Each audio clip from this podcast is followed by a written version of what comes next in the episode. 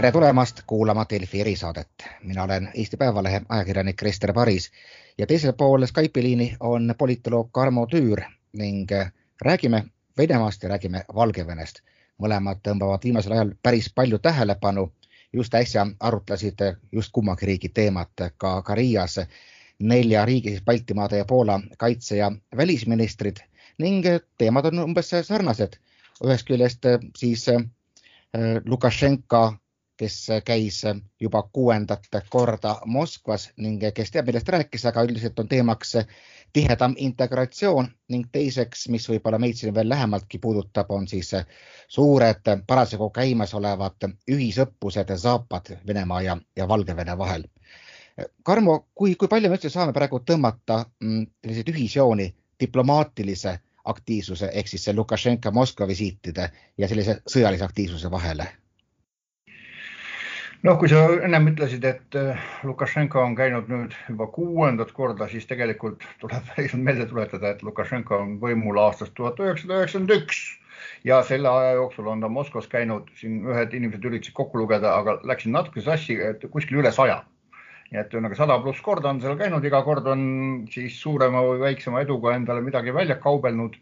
noh, nüüd käis jälle nii et see ei ole midagi unikaalset, see on lihtsalt üks osa Lukašenko võimul püsimise taktikast.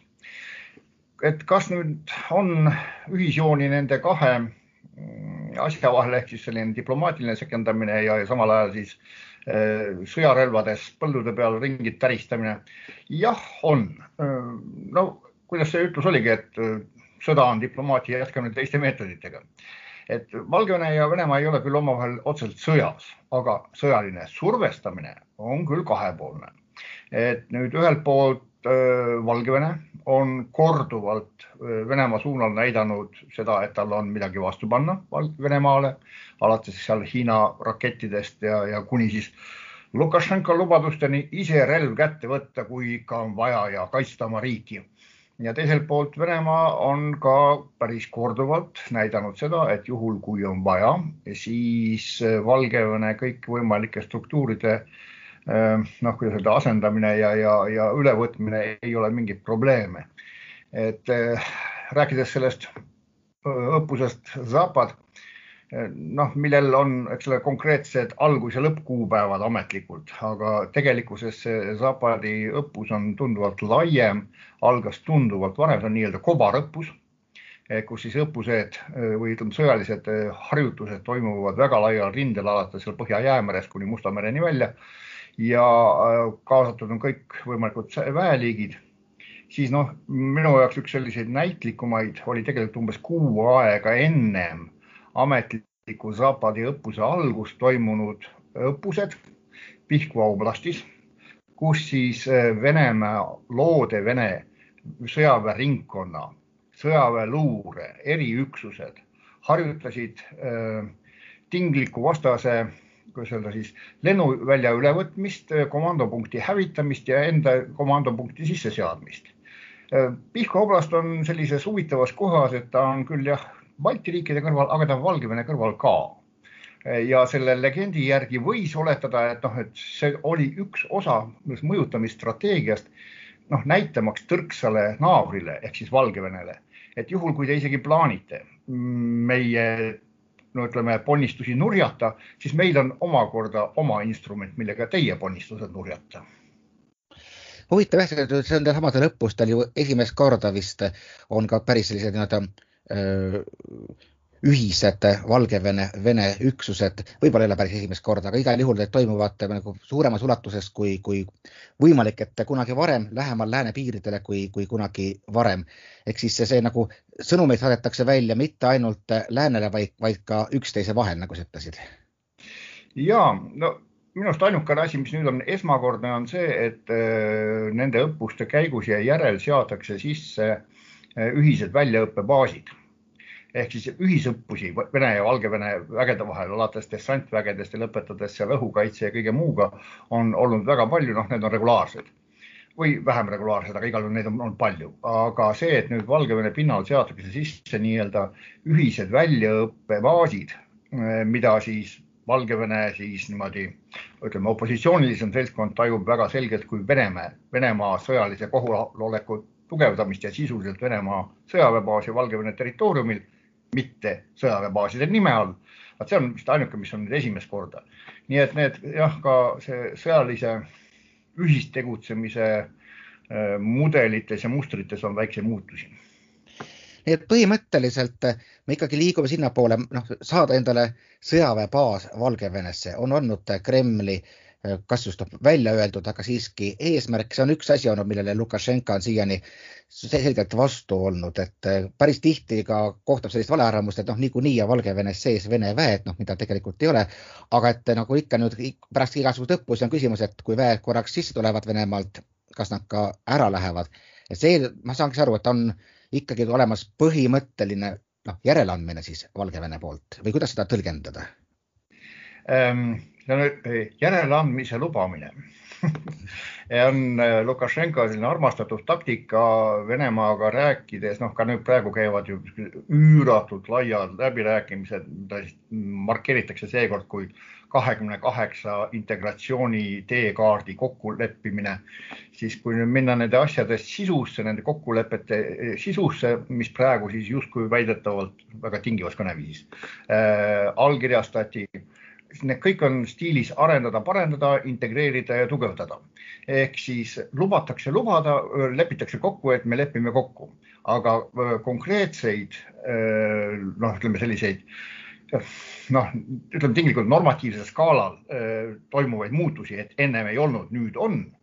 noh, ütleme nendesama kahekümne kaheksa teekaardi osas vist ainukene, mis on otseselt mõõdetav, et ennem ei olnud, nüüd võib-olla tekib, on see, et kaotatakse ära roaming kahe äh, riigi kodanike omavahelisel side, sidepidamisel. ülejäänud kõik lubadused on just nimelt nii, et no me integreerime me lähendame, me koordineerime ja nii edasi, nii et selline pikk ja mm, vinduv vingerdamine on jah, Valgevene presidendi senise ellujäämise mudel olnud ja ta jätkab seda mudelit, mis on seni edu toonud, see on täiesti loomulik. Aga kas ma sain kuidagi kõige nagu valesti aru, et kui, kui veel eelmisel aastal Äh, taoliste kõneluste puhul. Lukašenka esines üsna selliste teravate äh, nagu närviliste väljendustega äh, ja viitas just nagu Venemaa survele, siis praegu mul jäi mulje, mulje, et, tema nagu oli isegi vaata et rohkem valmis ja Putin oli see, et või, või Venemaa pool, kes ütles, et need asjad ikka nii kiiresti ei käi ja vajab ikka, vajab kahe riigi täielikku tahet ja, ja nii edasi ja nii edasi. just nagu suuremat integratsiooni palus Lukašenka, noh, ei ole ju loogiline ometi, et ta kokkuvõttes ikkagi igatseks saada endale siis Valgevene oblasti kuberneri kohta? ei, ei, seda ei taha kumbki pool. ütleme niimoodi, et väga laias laastus äh, Valge või Venemaa ei ole siiski huvitatud, et kaoks ära selline riiklik subjekt nagu Valgevene. Äh, sest see, ütleme, see liitriigi idee, just nimelt kahe riigi omavahelise liidu süvendatud integratsiooni ja mis iganes idee kui selline on üks Venemaa praeguse poliitika nii-öelda nurgakive noh, näitamaks ülejäänud maailmale seda, et ta on atraktiivne, tema poole tõmbuvad teised riigid, mitte oblastid, vaid ikkagi omaette riik nimega Valgevene. miks Lukašenko käitumine hetkel on jälle natukese teistsugune, on see, et on muutunud pisut taust. Taust on muutunud selles, et kui veel umbes aasta tagasi mm, oli noh, Lukašenko suhteliselt noh, kuidas öelda, aktsepteeritav lääne poolt ja tal oli võimalik panustada, äh, tähendab näidata Moskvale, et kui Moskva ei ole piisavalt paindlik, siis Valgevene pöördub lääne poole.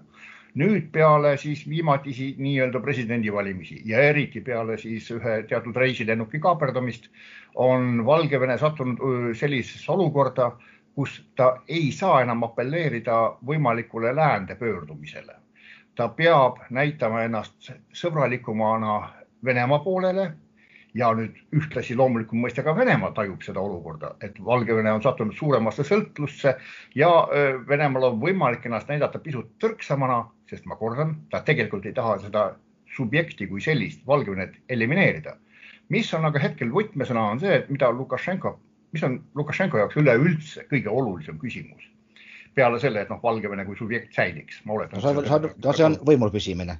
just, see on võimul püsimine ja ta saab suurepäraselt aru, et Venemaal on olemas hoovad, võimalused ja ka konkreetsed persoonid, kelle abil Lukašenko kui persoon kõrvaldada Valgevene eesotsast ja panna sinna etteotsa keegi teine. Ma ei, praegu ei hakka ütlema nimesid, sest see viiks meid natuke liiga kaugele, aga on võimalik panna sinna etteotsa keegi teine, kes on leplikum ja seeläbi ajada oma poliitikat paremini edasi. nüüd Lukašenko äh, üritab kogu hingest tõestada, et ei, ei, ei, ei, ei, ei, ei, see oleks väga vale mõte mind maha võtta. mina olen kogu selle mängu keskpunkt, haldaja ja, ja garant.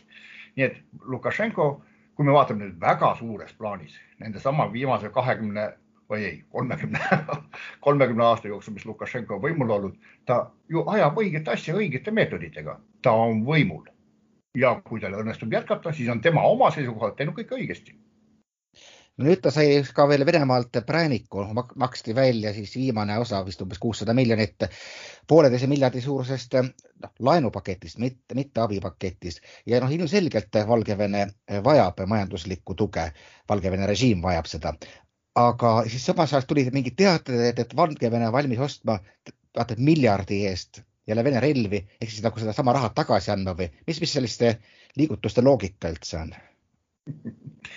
minu meelest on pisut keeruline nimetada ostulepinguks või ostmiseks seda, kui ma võtan sinu käest kaupa ja ma ei kavatsegi sulle maksta ja sa tead seda väga hästi.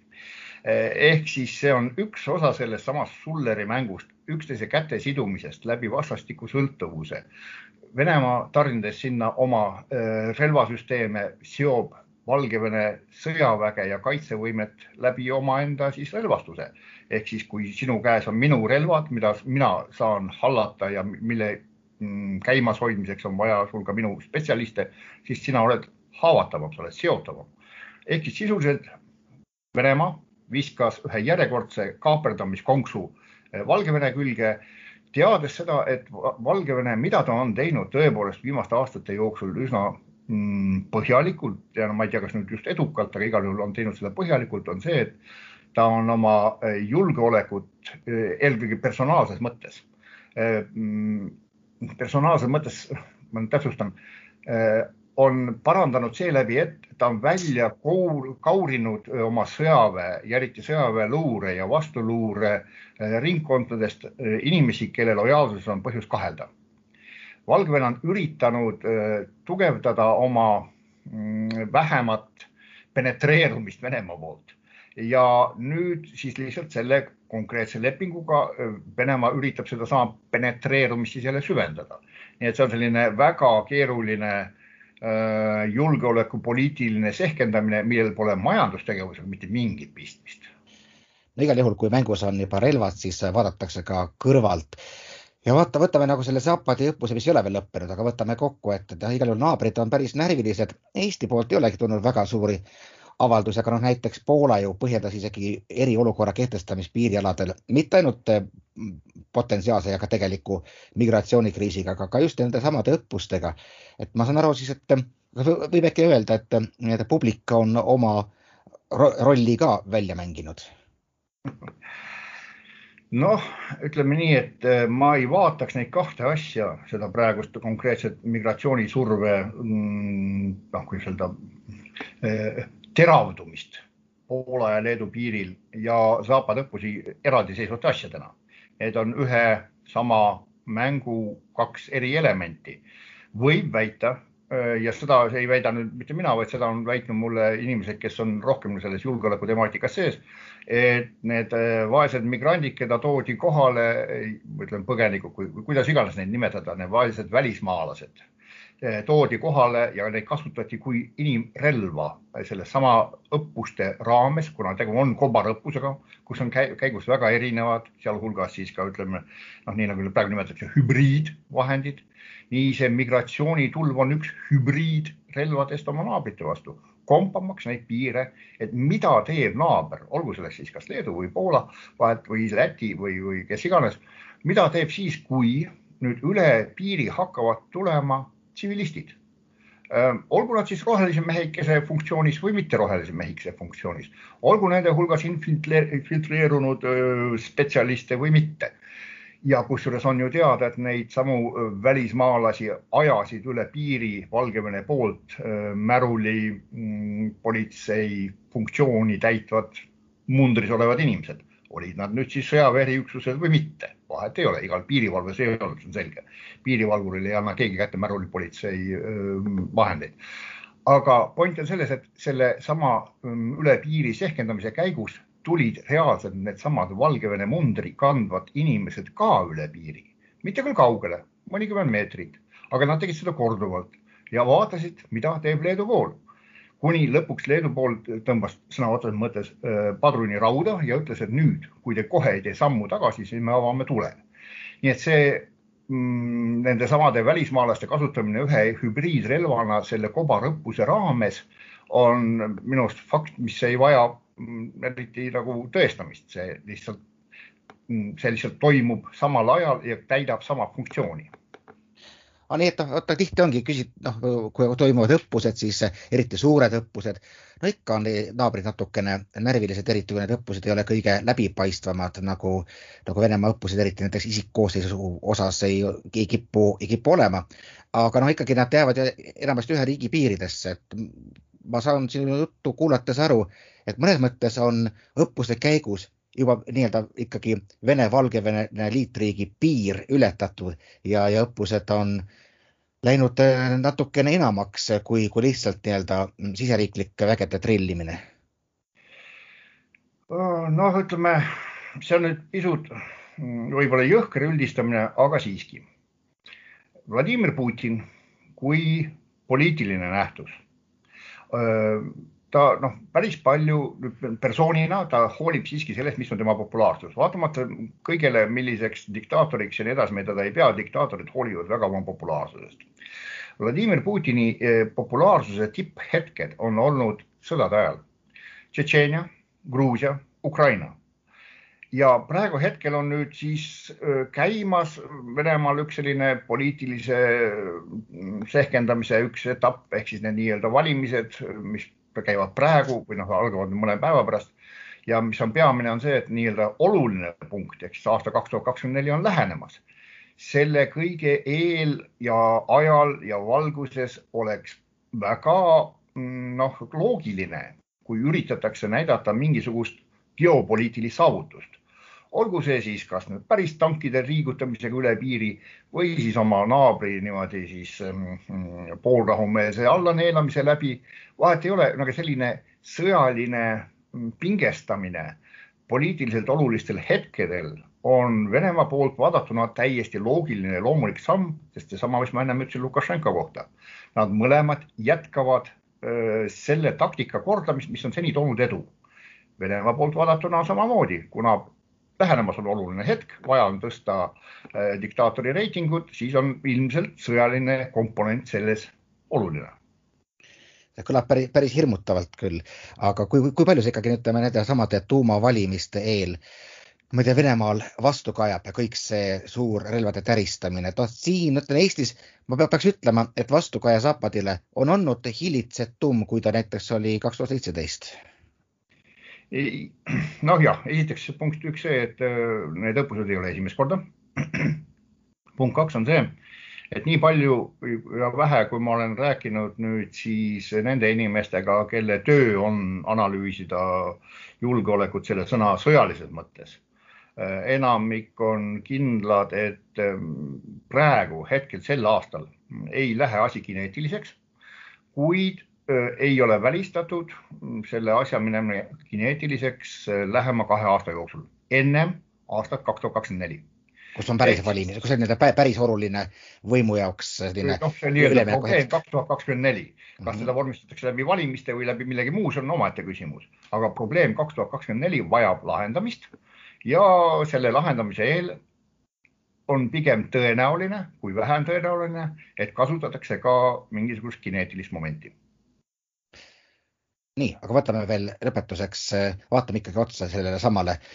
ma ei oska öelda nüüd, mis, kuidas seda protsessi nimetada, aga, aga ütleme mm, tuumavalimistele, mida me nendest üldse teame, mis seal intriig on, et noh, me teame hästi vähe, et eh, Levada, kes siiamaani tegi küsitlusi, on välisagent, mis oluliselt piirab tema tegevusi, Golos, kes jälgis valimisi on ka välisagent ja teda, tema esindajaid üldse kuskile ei lasta.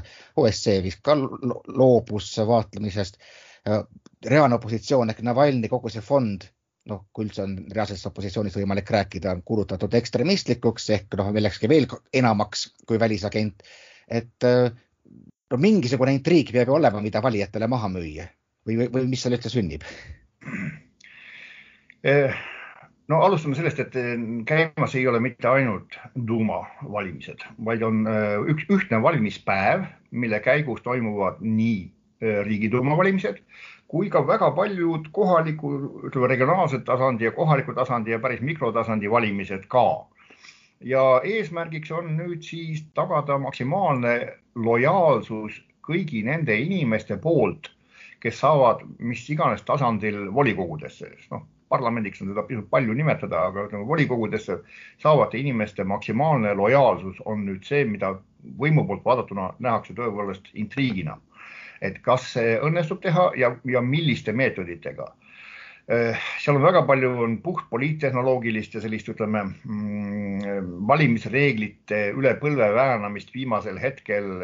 seda on väga palju, sellest võiks teha mingi omaette pika erisaate, aga see on huvitav ainult spetsialistidele.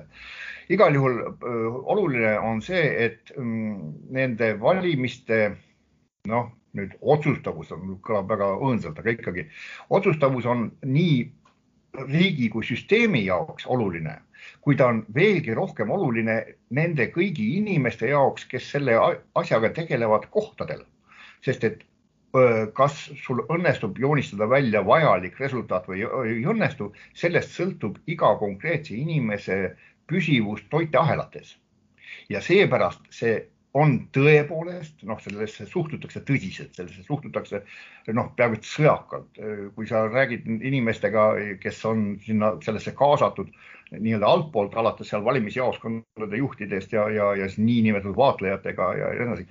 see on, äh, see on tõsine probleem see on tõsine probleem, mida tuleb lahendada. et sellepärast me näemegi mingisuguseid selliseid trikke, kuidas tehakse opositsioonikandidaatidele kõrvale teesikuid, noh asju, mida ma ootaksin võib-olla rohkem näiteks Ukrainast, kus on ikkagi nii-öelda võistlev võistlus, et, et pääseda parlamenti, kus on taolisi noh asju aegade jooksul ikka ette tulnud, et kui on nagu täielik kontroll kogu meedia üle ja, ja valimisprotsessi üle, et milleks seda üldse vaeva näha selliste naljakate trikkidega see ongi just nimelt sellepärast, et see on hästi kõigile nähtavalt, reljeefselt, rõhutatult ja ma ei tea, kuidas seda veel nimetada, ongi see niisugune ülbe mm, koha kätte näitamine. et ah, et teie arvate, et te saate midagi meile ära teha, noh, meile kui süsteemile. noh, teate, no, kõigepealt punkt üks, kui me ei taha, me ei lase teid üleüldse valimisnimekirjadessegi aga kui me oleme teid lasknud valimisnimekirjas ja te ikka arvate, et te midagi ära saate teha, siis me teeme, näete, vot seda. Ja, ja noh, koomiliselt ja no see on no,, see on täiesti absurdselt, eks ole, kuidas nüüd tekitati ühele Peterburi Jabovko populaarsele saadikukandidaadile kõrvale mitte lihtsalt üks teisik, vaid kaks teisikut ja, ja, ja noh, see, kuidas see siis välja lekkis, noh, see on, see on eh, teadlikult no just nimelt ülbitsev, ma ei, ma ei oska teist sõna kasutada. selline näitamine, et meie käes on ressurss ja teie koos oma nii-öelda targa valimisega, mille eest Navalnõi kinni pandi, teie koos oma targa valimise süsteemiga ei saa meile vastu nii kokkuvõttes ma võime siis öelda, et noh, kaks tuhat kakskümmend neli probleem on see oluline ja mis läheneb. kaks tuhat kakskümmend kaks on rohkem nii-öelda siis sisemiste eliitide omavaheliste suhete klaarimine, sain ma õigesti aru? Jah, ütleme praegu hetkel pannakse kokku mm, seda nii-öelda turvasüsteemi, mis peab öö, rakenduma kas siis kaks tuhat kakskümmend neli või aasta ennem seda, sest et noh, mm, ma olen seda korduvalt kasutanud, aga ma kasutan korraks veel seda näidet. selle asja peaproov, selle tulevase muudatuse peaproov toimus ju eelmisel aastal põhiseaduse muutmise aegu, siis ju täpselt samamoodi. Põhiseadus põhiseaduse muudatus kiideti alguses heaks kõigi tasandite volikogude poolt. saadi nii-öelda ülerahvalik esinduslik äh, selline mm, dobro või heakskiit kätte nendelt kohalikelt volikogudelt ja mille järel siis Vladimir Putin otsustas veel armulikult, et noh, ma pean rahvaga ka nõu, ehk siis kuulutas välja selle veidra hääletamise sarnase fenomeni, mille tagajärjel siis noh, vaadake, näete, et kõigepealt me kinnitas ära seadusliku, seadusandlikud kogud ja siis rahvas andis ka heakskiidu ja järelikult me nüüd saamegi muuta, sest kõik seda tahavad. nii samamoodi nüüd tõenäoliselt kas siis järgmisel või ülejärgmisel aastal, ennem aastat kaks tuhat kakskümmend neli, korraldatakse ära mingisugune muutus. ma ei tea, mis see on, ausõna ma ei tea ja ma ei tee isegi nägu, et ma teaks, aga kõik viitab sellele, et praegu valmistatakse ette seda turvasüsteemi, mis peab andma soovitud efekti siis ennem kaks tuhat kakskümmend nelja aitäh, politoloog Tarmo Tüür, mina olen Eesti Päevalehe ajakirjanik Krister Paris. jälle kuulmiseni siis uutes erisaadetes